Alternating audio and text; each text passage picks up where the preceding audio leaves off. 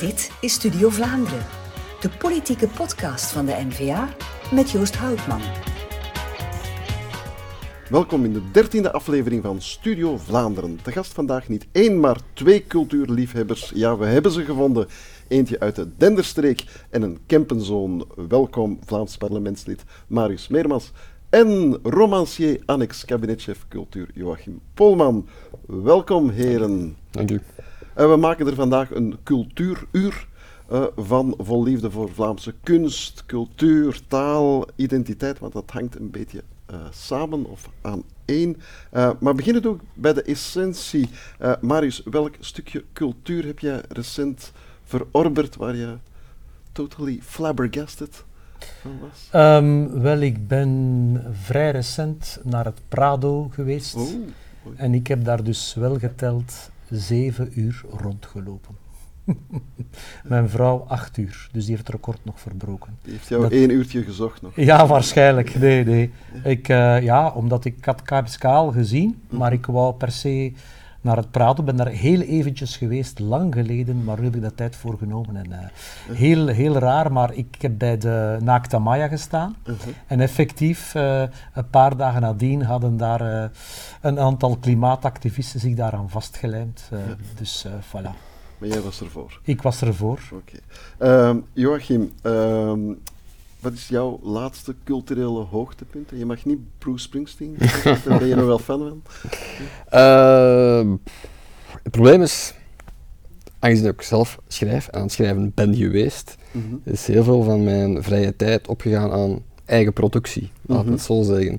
Dus ik heb niet zoveel aan cultuur kunnen doen buiten mijn werk, mm -hmm. waar ik soms wel moet uh, plaatsbezoeken doen. Ja. En, uh, op uh, commissie gaan. Ze zeggen trouwens ook van gynaecologen dat ze wat lui zijn in bed omdat ze te veel hebben gezien overdag. Geldt dat voor jou dan ook? voor een stuk wel. Uh, het probleem is, je, je doet alles werk, dus je gaat er een heel eiltempo door. Mm -hmm. het laatste wat ik gezien heb, denk ik, is mijn bezoek aan museum en aan het Permeke Museum, dat nog een volle renovatie is en nog een opbouw is. Maar ik moet wel zeggen, het Permeke huis, het huis waar Permeke in woonde, is eigenlijk wel een zeer mooi modernistisch huis op een zeer onverwachte plaats. Jabbeke, denk ik, ja. als het niet, mij niet vergis. Mooi West-Vlaanderen. Je verwacht het daar niet, maar daar, ja, wij zijn natuurlijk van West-Vlaanderen, typische West-Vlaams uh, kunstenaar. Uh, maar dat was uh, mijn laatste echte wapenfeit. Ja, een echte ontdekking.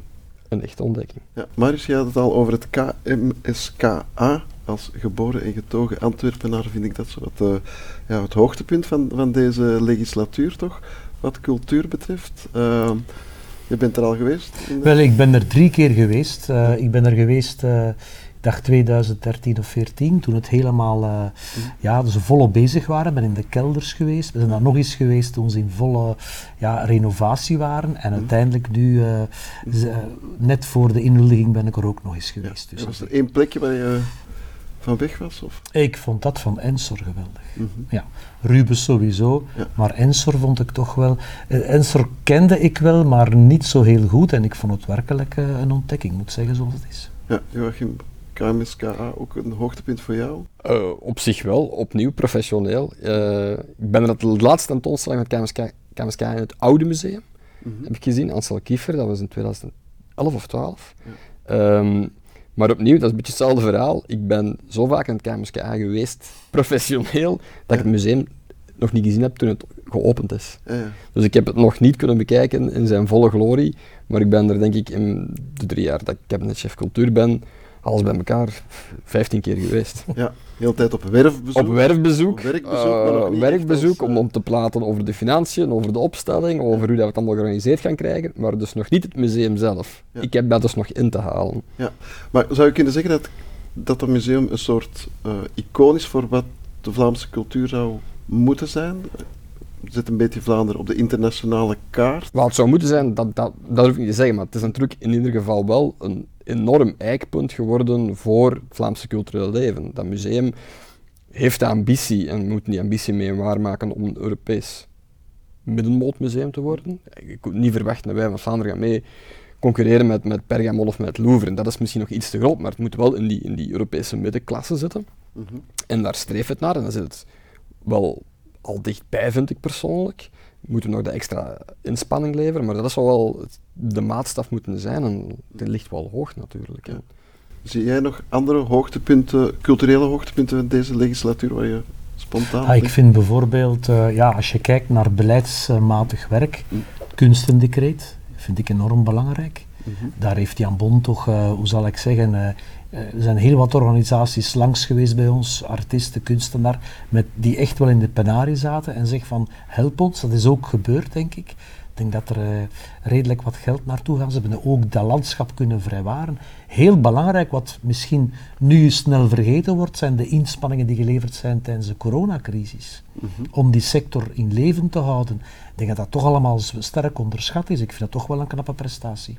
Ja, we zitten hier dus samen met gelijkgezinden, denk ik toch wel, als het over cultuur gaat. Ja, bij de aanvang van de legislatuur had jij het over een soort cultuuroorlog, of toch kampen die bestaan in de, in de, in de cultuurwereld. Eh, Ik, dat is, ik heb het er niet over gehad. Dat is, eh, Ah, ja. Toen ik aangesteld ben geweest, is dat in de kranten verschenen naar aanleiding van een column correctie. die ik geschreven heb. ja, ik lees En- kranten, sorry. Ja, beter niet doen. Eh naar aanleiding van een column die ik in de morgen geschreven had, jaren daarvoor, en waar ik juist waarschuw voor een cultuuroorlog. En wat ik zeg, als je in een cultuuroorlog terechtkomt, dan zijn geen winnaars aan die oorlog. Mhm. Dat is een veldslag die niet eindigt, en die eindigt alleen maar in een soort van ja, totaal gepolariseerd cultuurlandschap. Ja. Dus dat was een beetje raar, maar nee, ik denk niet dat, dat ehm, de cultuurstrijd wat iets, iets, Mhm. iets anders is, want, want alles is strijd, eh, eh, moet leiden naar een cultuuroorlog.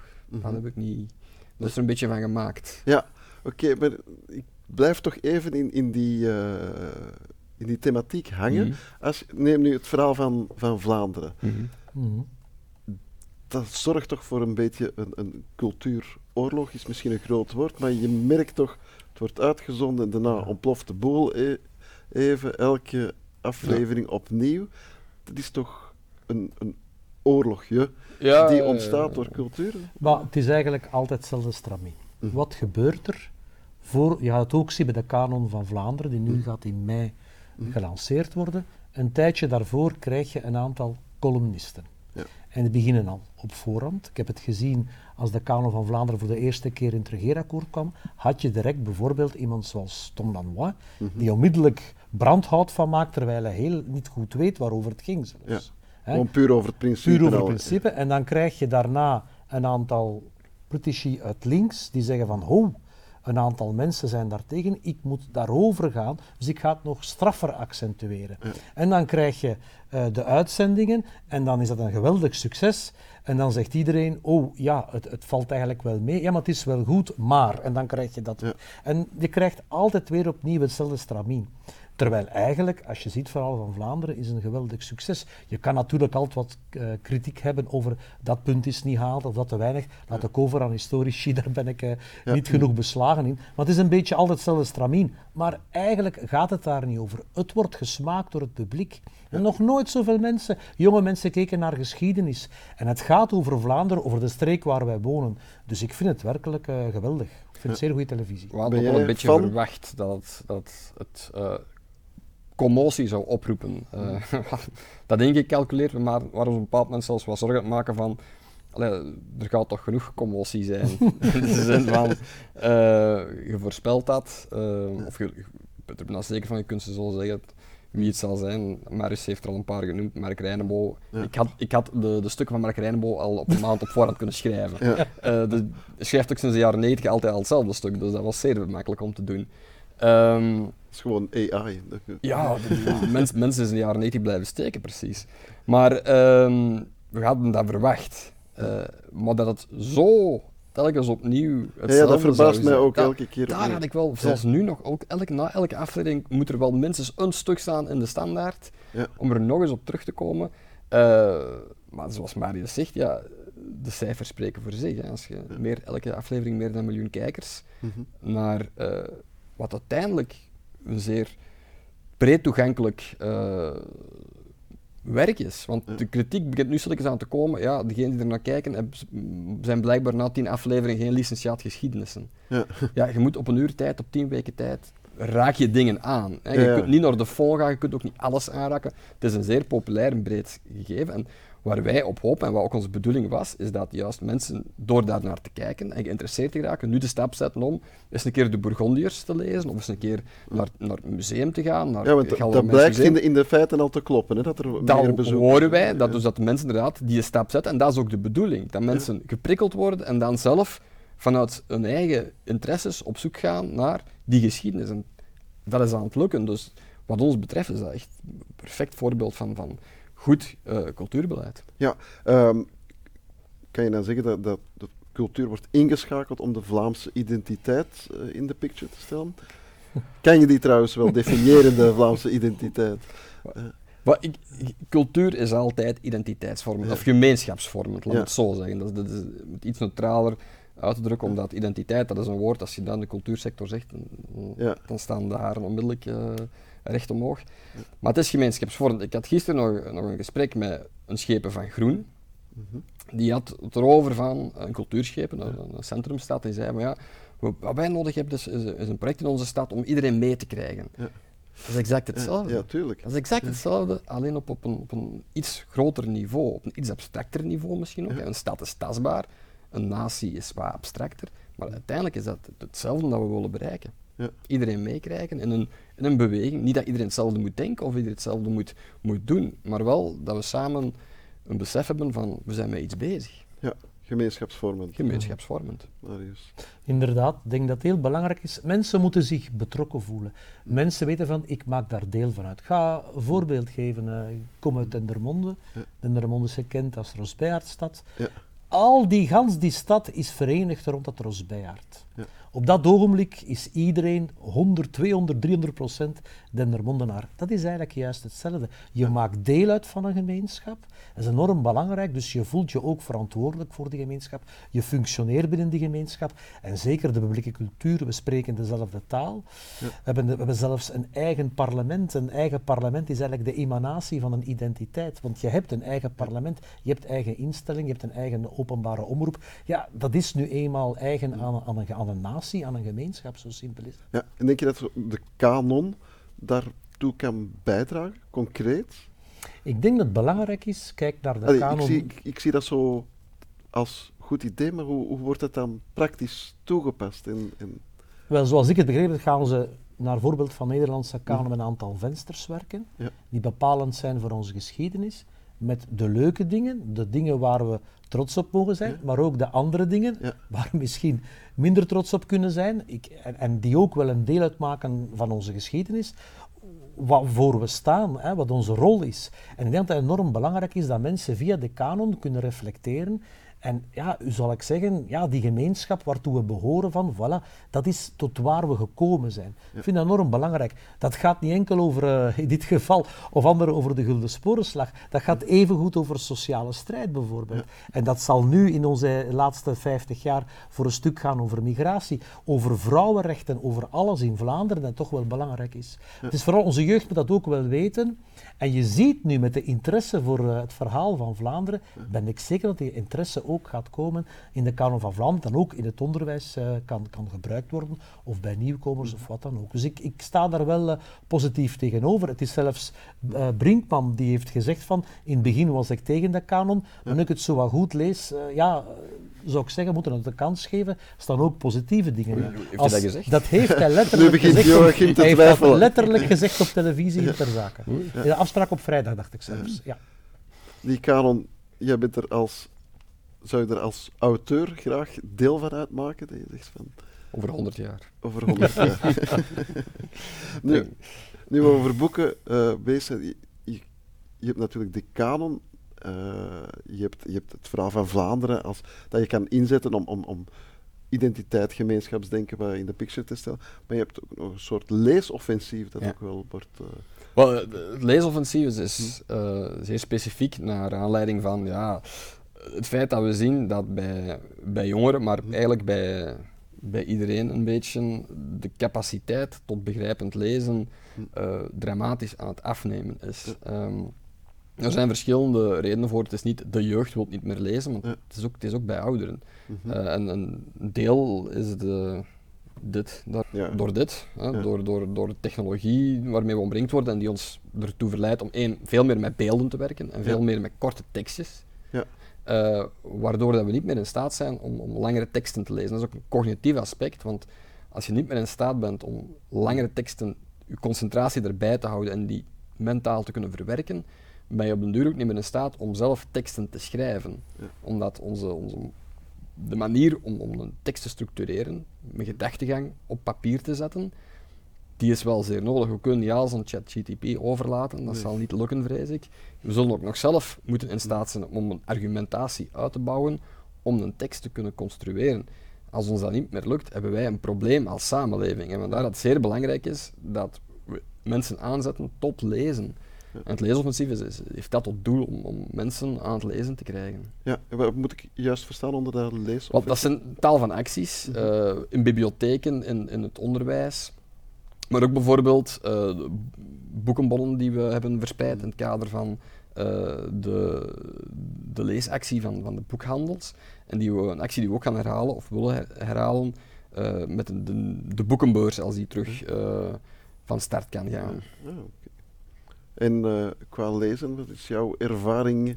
Wordt er minder gelezen en is- moeten we dat jammer vinden, Marius? Er is een groot, ik kom zelf uit het onderwijs, hè. Ja. Er is een groot probleem qua begrijpend lezen, Mm. dat klopt. Een tekst, zoals eh, Joachim vertelt, een langere tekst hè, kunnen verwerken, essentie uithalen, is een ernstig probleem. Hè. We hebben het gezien op onze themadag, waar de man, eh, de, de man die de- ook de PISA-testen wereldwijd opvolgt, dat was dus helemaal niet goed voor ons. Hè.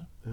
Dus, en ik denk, ik geloof wel, ik denk dat Ierland was die tot erin geslaagd is om het de tijd te kunnen keren, want het vergt natuurlijk een lang aanhoudende inspanning. En vooral de, de cultuur van lezen. Hè. Dus daarom ook, eh, eh, ik ben nu terug schepen, maar ik was vroeger ook nog schepen, heb ik ook nog gepromoot van cultuur. Eh, boekbabies, dus werkelijk bij de eerste baby's, Ja. als ze komen bij kind en gezin of waar dan ook consultatiebureau, om direct zo'n boekje te geven. Dus Ja. het zijn allemaal die kleine dingen, maar bijvoorbeeld ook, wie geeft nog een boek bijvoorbeeld aan een kind dat eh, lentefeest of communie doet bijvoorbeeld, of Ja. naar een verjaardag of dergelijke. Dus we moeten terug opnieuw het de cultuur van een boek te geven, dat waardevol te vinden, dat te Ja, lezen. de cultuur van dat een dat boek en een boek dan als schakel van de cultuur. Voilà, Ja, dat is enorm belangrijk. Want vergeet niet, eh, qua kinderboeken bijvoorbeeld, doen wij het zeer goed. We hebben eigenlijk wel goede auteurs. Als ik zie wat eh, Literatuur Vlaanderen allemaal verwezenlijkt, dat is knap. Hè? Dus er is wel degelijk potentieel. Ja, nu, dat zit bij mij onder de positieve noemer van Mhm. cultuur. Eh, als we het over de negatieve eh, kant hebben, dan wordt er altijd gezeurd over die subsidies en over besparingen. Als we nu eens kijken naar, naar deze legislatuur, eh, Joachim, ehm, die subsidies, welke parameters hebben jullie nu beter gesteld dan daarvoor? Ehm, En zou er nog wel kritiek moeten zijn? Wel, dat is natuurlijk altijd eh, moeilijk, omdat het cultuurbeleid in Vlaanderen is een subsidiebeleid. Ehm 98% van, van het budget van het departement cultuur ligt eigenlijk vast in subsidies. Eh, wij produceren als Vlaamse overheid zelf geen kunst. Nee. Het zou ook een beetje belachelijk zijn als wij beginnen met, eh, met beeldhouwwerken uit te vaardigen. Wij maken alleen maar eh, kunst mogelijk. Ja, je, je creëert de We mogelijkheid. creëren de mogelijkheid. En er zijn in ons cultuurbeleid, sinds de aanvang van dat beleid, dat is een van de eerste bevoegdheden die overgekomen is van het federaal niveau, of toen nog het unitaire niveau, is cultuur. En we hebben bij aanvang, heeft Vlaanderen voor gekozen met het twee fundamenten te zetten. Eén, het Thorbecke-principe. Mhm. Dat zal misschien niet onmiddellijk bekend Nee, zijn. nu een, Nederlands, een ja. Nederlands staatsman die in de 19e eeuw heeft gezegd, de regering moeit zich niet met de inhoud van kunsten en wetenschappen. Ja. Dus dat is één uitgangspunt. Wij moeien ons niet met de inhoud. Dat is een zeer lastig principe, omdat bij gevolg subsidiëren wij ook zaken waar wij het eigenlijk inhoudelijk niet mee eens zijn. Ja. Dat is al lastig. Hè? Ja. Op het moment dat die voldoen aan de decretale voorwaarden, ja, dan is dat in Ja, feite... so it. Ja. wij- het alternatief is dat de regering zelf gaat beslissen, dit vinden wij goed, dit vinden wij slecht. En dan krijg je politieke kunst. Ja. Dat is niet iets dat we onmiddellijk wenselijk vinden. Het tweede principe is de marktcorrectie.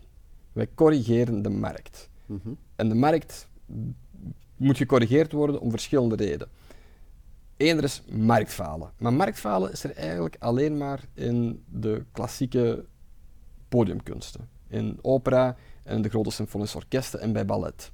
En wa- wat wil je dan Marktfalen wil zeggen? zeggen dat er een grote vraag is naar het product, maar dat niet in het aanbod kan voorzien worden. Dat is omdat die kunstvormen op podium brengen, kost vandaag, eh, zal ik zeggen, he- heeft de evenveel inzet nodig als 200 jaar geleden.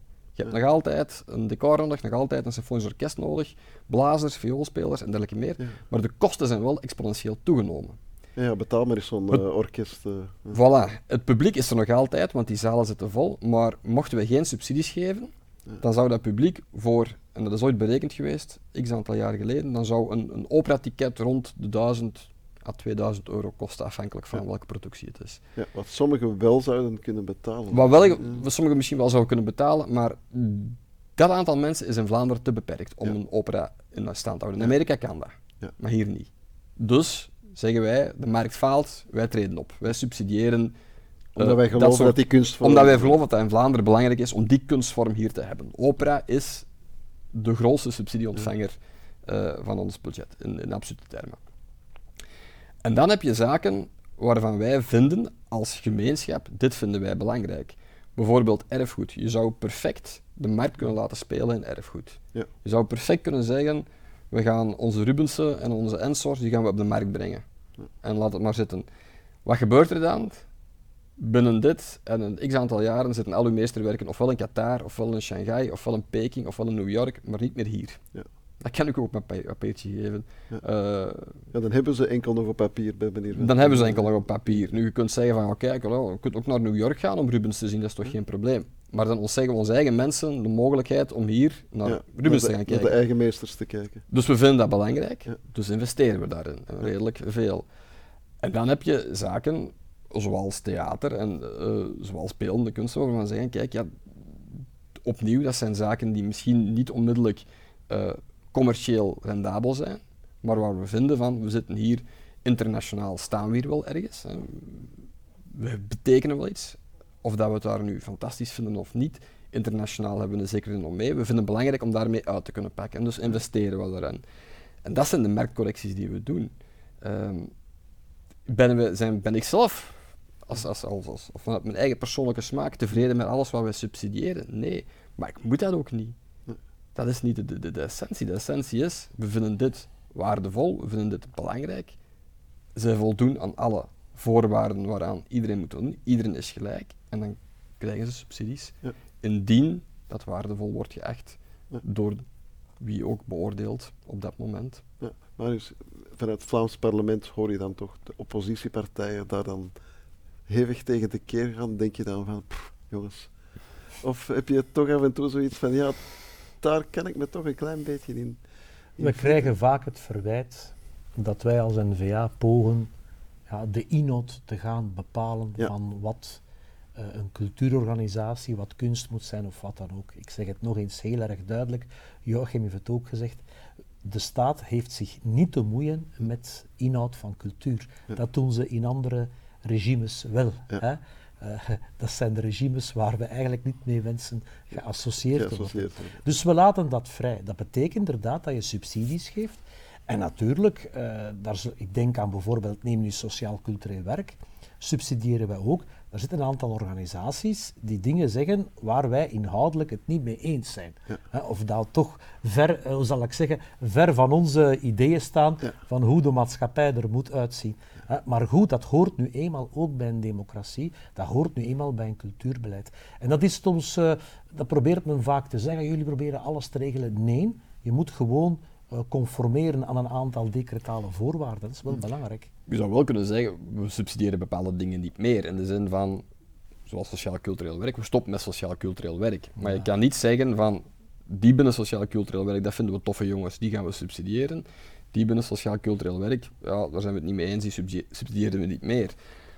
Want dan krijg je eigenlijk willekeur. Ja. Want dan is de volgende regering, ja, als die een andere eh, kleur en een andere richting heeft, dan zijn die weer die dan... eh, Ja.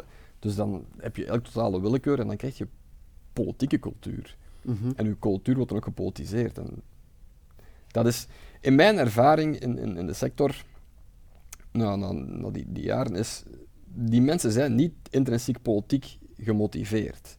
Die hebben wel andere motieven, ook sommige ideologisch, maar niet noodzakelijk politiek ideologisch. Maar dat is niet een intrinsieke motivatie. En de meeste zijn ook niet politiek beslagen.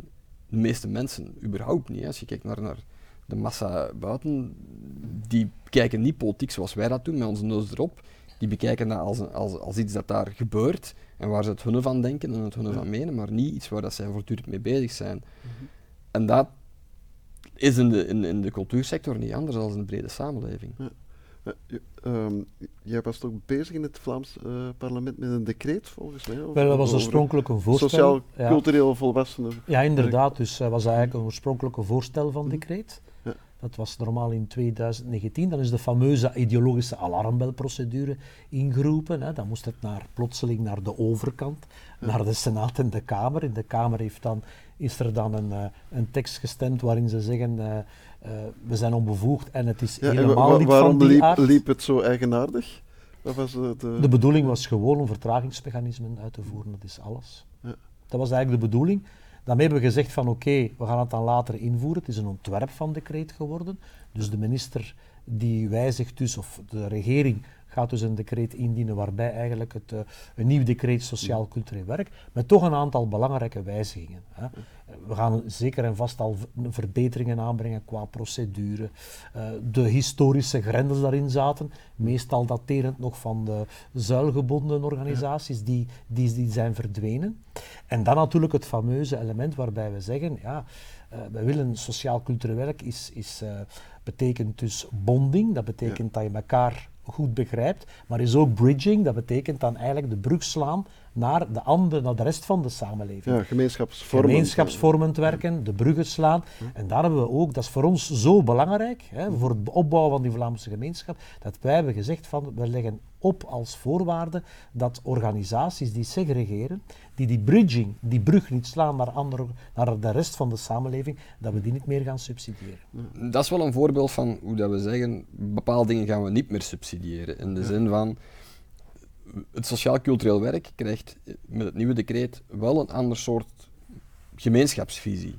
En het vorige was nog toen de tijd met, met Bert Anciot, die, die de zelforganisaties zeer hard wilde promoten. Hij is ondertussen ook op gedoctoreerd eh, over zijn zelforganisaties.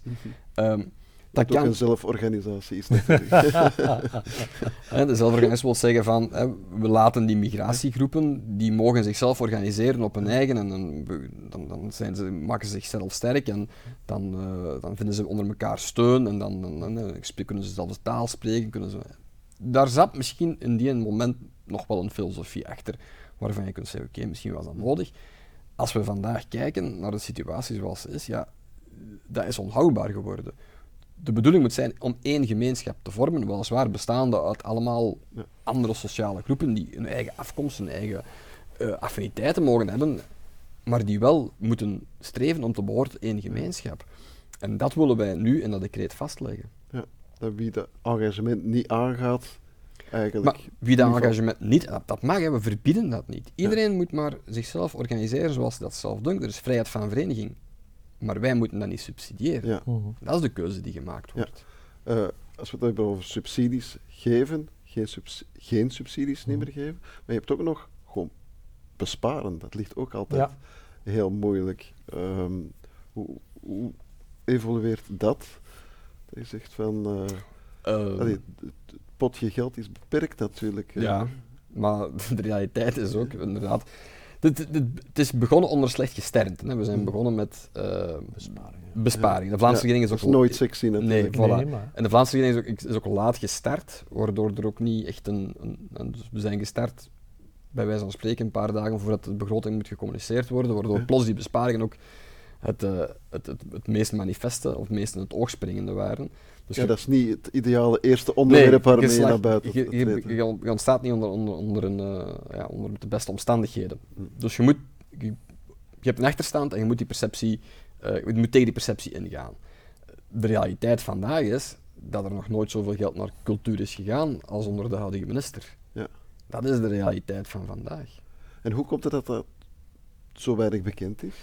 Ehm, Is dat omdat de culturele sector zelf niet uitpakt met de de dingen die goed gebeuren voor hen en alleen maar focust op waar ze het zelf niet mee eens zijn? Uh, voor een stuk misschien, maar ik denk dat dat een typisch menselijke reactie is. Mm ook bij de media, slecht nieuws verkoopt altijd beter. Ja. Uh, dat heeft hem dus heel goed gedaan, dat is geen nieuws.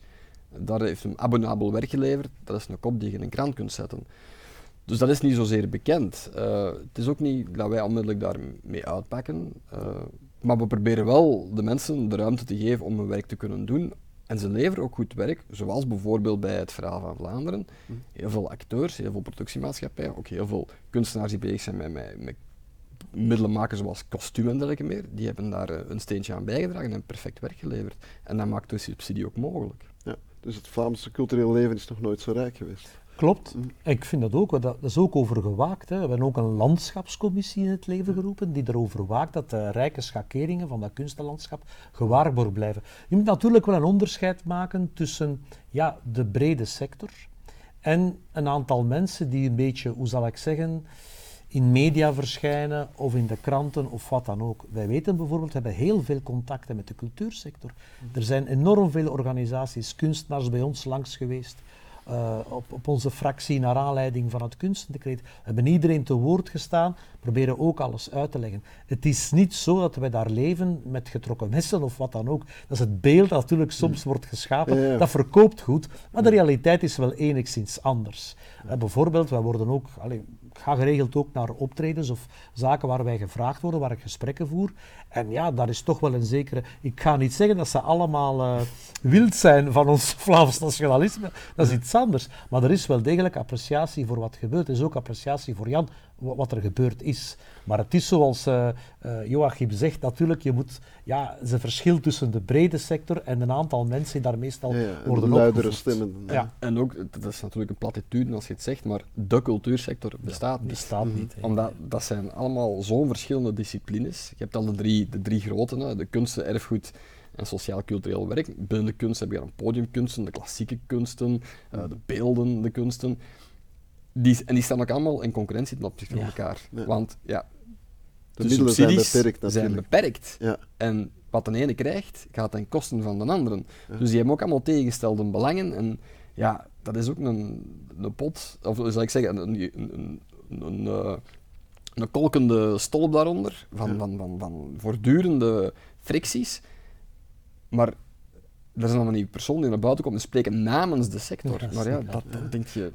Mm, je, vertegenwoordigt misschien een klein gedeelte ja, van dat geeft de sector, dan de nodige maar er is geen, de representativiteit daarvan is, is uiteindelijk zeer beperkt. Ja. ik ga een concreet voorbeeld geven. Hè. De ruiling van een kunstendecreet hebben we ook uh, kerninstellingen ingevoerd. Dat zijn organisaties, theaters, of die bijvoorbeeld gedurende tien jaar zeker zijn van een subsidie in plaats van vijf jaar. De organisatie Hart Boven Hart, die heeft dus letterlijk opgeroepen om dat allemaal te boycotten en daar zeker niet op in te gaan. Wel, het tegendeel is bewezen. Er waren heel veel organisaties die net gepleit hebben voor kerninstelling. En er zijn er 16 goedgekeurd. Dus heel die oproep, ja. dat is wel verschenen hier en daar, maar er is gewoon niet op ingegaan. Dus met andere woorden, dan moet je alles wel een beetje in zijn, hoe zal ik zeggen, in zijn context en vooral met toch wat pakken zout nemen, denk ik. Ja, pakken zout. Goed, ik denk dat we een beetje cultureel verrijkt zijn dankzij de alliteratie Marius Meermans en uh, romancier, annex-kabinetchef Joachim uh, Polman. Heren, uh, hartelijk dank, dank voor uw heldere uitleg. En we blijven nog even op de scheidslijn tussen verbeelding en realiteit met de rubriek Feit of Fictie. Hallo allemaal, ik ben Björn Anseeuw Kamerlid voor de NVA. Welkom bij Feit of Fictie. Toen ik vorige week de krant opensloeg en zag dat de ACV-topman ermee stopte, liet me dat eerlijk gezegd vrij koud. Maar toen ik verder las, viel ik net niet van mijn stoel. Mark Leemans laat zich namelijk opzettelijk ontslaan, zodat hij op brugpensioen kan. Bij een debat hierover in de Kamer heb ik heel duidelijk gemaakt dat dit sociale fraude van het zuiverste soort is. En waarom dat zo is? Wel, Meneer Leemans gaat gebruik maken van de SWT-regeling. Dat is een regeling, de opvolger van het brugpensioen, die ervoor zorgt dat wie ouder is dan 62 jaar en ontslagen wordt, vervroegd op pensioen kan. De kernwoorden hier zijn ontslagen worden. De SWT-regeling is dus voorbehouden voor mensen die buiten hun wil om ontslagen worden, bijvoorbeeld omdat het bedrijf waar ze werken in moeilijkheden zit. Maar meneer Leemans, die wordt helemaal niet gedwongen ontslagen. Hij beslist zelf om ermee te stoppen. Hij maakt dus op een slinkse manier schandelijk misbruik van het systeem. Van de absolute topman van de vakbond zou je verwachten dat hij het goede voorbeeld zou geven. Niet dus. Erger nog, hij is de grootste profiteur van het pak. Het antwoord is dus duidelijk ja, dit is sociale fraude, want meneer Leemans en het ACV maken wetenswillens misbruik van het SWT-stelsel. Bovendien is het ook een kaakslag voor al die mensen die wel keihard blijven doorwerken tot een pensioenleeftijd. Daarnaast blijkt ook uit deze affaire dat de SWT-regeling zo lek als een mandje is en heel wat talent en ervaring vroegtijdig uit onze arbeidsmarkt duwt. Daarom vinden wij bij de NVA dat de hele regeling beter op de schop gaat. Dit was de dertiende aflevering van Studio Vlaanderen. Ik dank mijn gasten, maar ik dank vooral ook u voor te kijken en te luisteren. Tot een volgende Studio Vlaanderen.